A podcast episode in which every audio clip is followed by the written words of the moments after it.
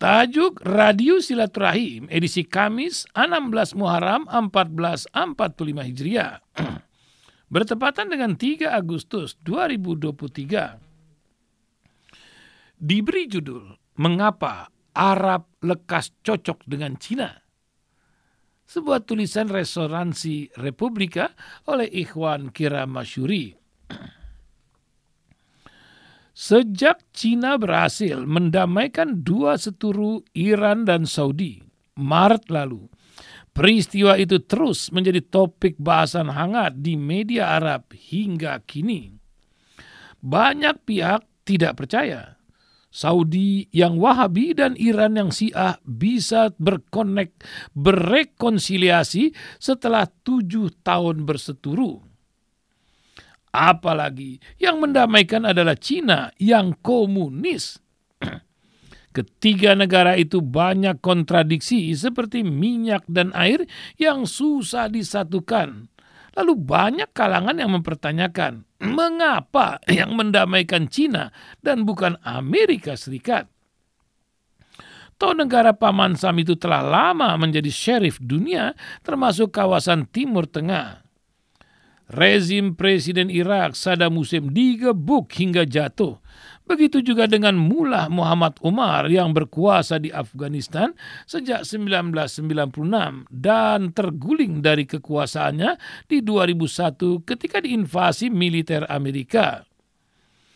Paman Sampula yang menembak mati pimpinan teroris Al-Qaeda Usama bin Laden dan memburu dengan serangan udara Jenderal Iran yang sangat berpengaruh Qasem Soleimani.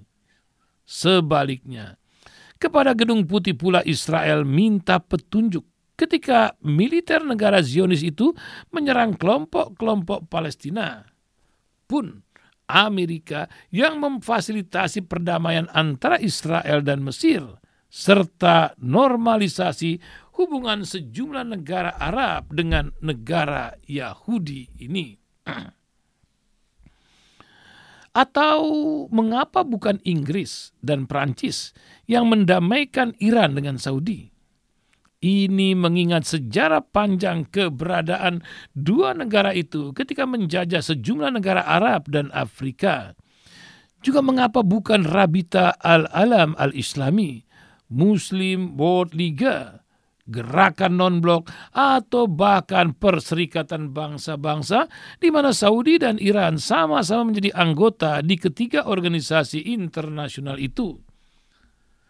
Mengutip sejumlah pengamat Timur Tengah, keberhasilan Cina mendamaikan Saudi dan Iran lebih berlatar belakang ekonomi, perdagangan, dan investasi. Hal itu bisa dilakukan lantaran Cina mempunyai hubungan baik dengan Iran dan Saudi. Sedangkan mengenai ideologi ketiga negara yang sangat kontradiktif, cukup untuk urusan dalam negeri masing-masing. China, Saudi, dan Iran tidak lagi mengekspor ideologi mereka ke negara lain. Dengan kata lain, mereka sepakat untuk tidak mencampuri urusan dalam negeri masing-masing atau juga negara lain.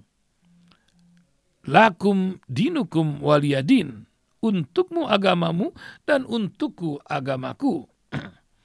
Hal ini tentu bertolak belakang dengan Barat dan Amerika Serikat yang selalu memaksakan nilai-nilai demokrasi, kebebasan, HAM terhadap negara lain. Nilai-nilai dengan standar mereka sendiri. Pembakaran kitab suci Al-Quran misalnya bagi Barat adalah bagian dari kebebasan berekspresi Sebaliknya, untuk negara-negara Islam, perbuatan itu sebagai penghinaan dan kebencian terhadap negara lain, alias Islamofobia.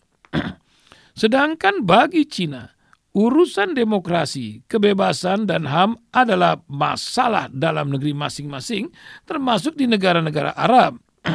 Semua pihak harus saling menghormati kedaulatan dan kekhususan budaya negara lain. Urusan mereka hanyalah ekonomi, dagang, investasi, dan kemakmuran bersama. Termasuk ketika Cina mendamaikan Saudi dengan Iran. Urusan mereka adalah ekonomi. Sebagai pembeli utama minyak dan gas dari Iran dan Saudi, China mempunyai kepentingan besar untuk menyeimbangkan berbagai kekuatan demi memelihara stabilitas dan keamanan di kawasan Teluk, termasuk mengamankan Selat Hormuz yang menjadi jalur lalu lintas utama komoditas penting, utamanya minyak dan gas.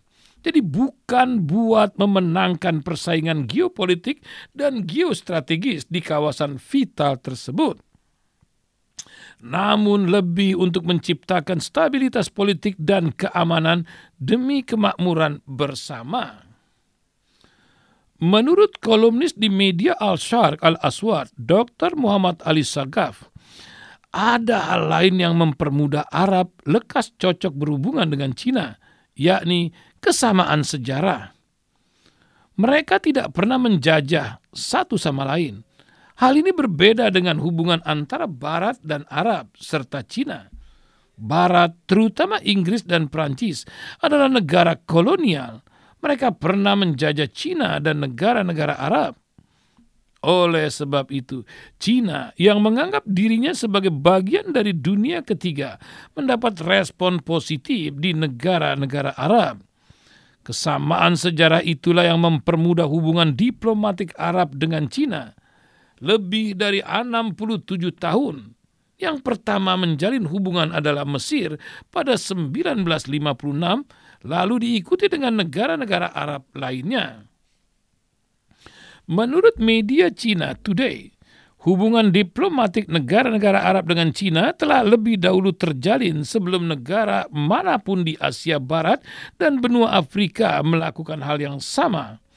Sementara untuk Arab Saudi hubungan diplomatik dengan Cina baru ber, baru berjadi pada 1990 pada 25 Oktober 1971 ketika Majelis Umum PBB mengeluarkan resolusi 2758 yang mengakui Republik Rakyat Cina sebagai satu-satunya wakil sah bangsa Cina di organisasi internasional itu. 12 negara Arab telah memiliki hubungan diplomatik dengan RRC. Bahkan, 8 negara, 8 negara Arab berada di garis depan dari 23 negara yang mengajukan rancangan resolusi tersebut. Dengan demikian, negara-negara Arab tersebut memiliki peran besar dan berpengaruh dalam memulihkan hak-hak hukum RRC di PBB secara penuh. Sebaliknya, Cina juga proaktif menentang kembalinya imperialisme kolonial Barat terhadap negara-negara Arab.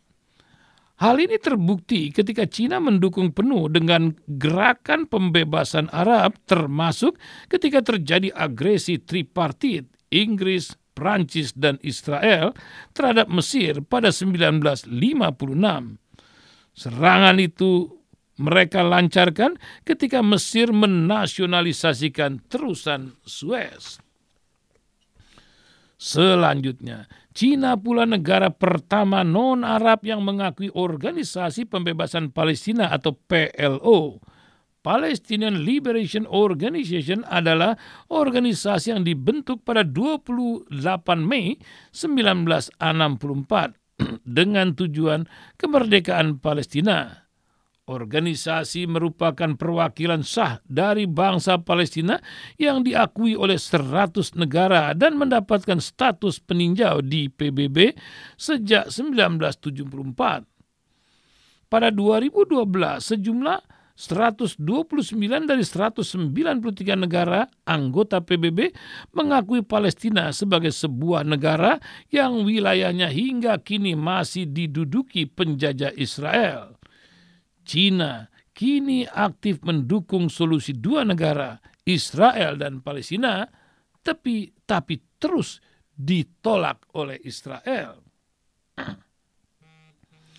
Kehadiran Cina di kawasan Timur Tengah nampaknya tidak untuk menggantikan posisi Amerika Serikat. Negara-negara Arab tahu betul tentang pentingnya hubungan strategi dan aliansi jangka panjang dengan negara paman Sam itu. Namun, kehadiran negara tirai bambu melalui gerbang kemitraan ekonomi akan semakin menjadikan negara-negara Teluk terutama Saudi sebagai pemain penting di kawasan Timur Tengah. China kini bukan lagi negeri yang jauh dari Arab.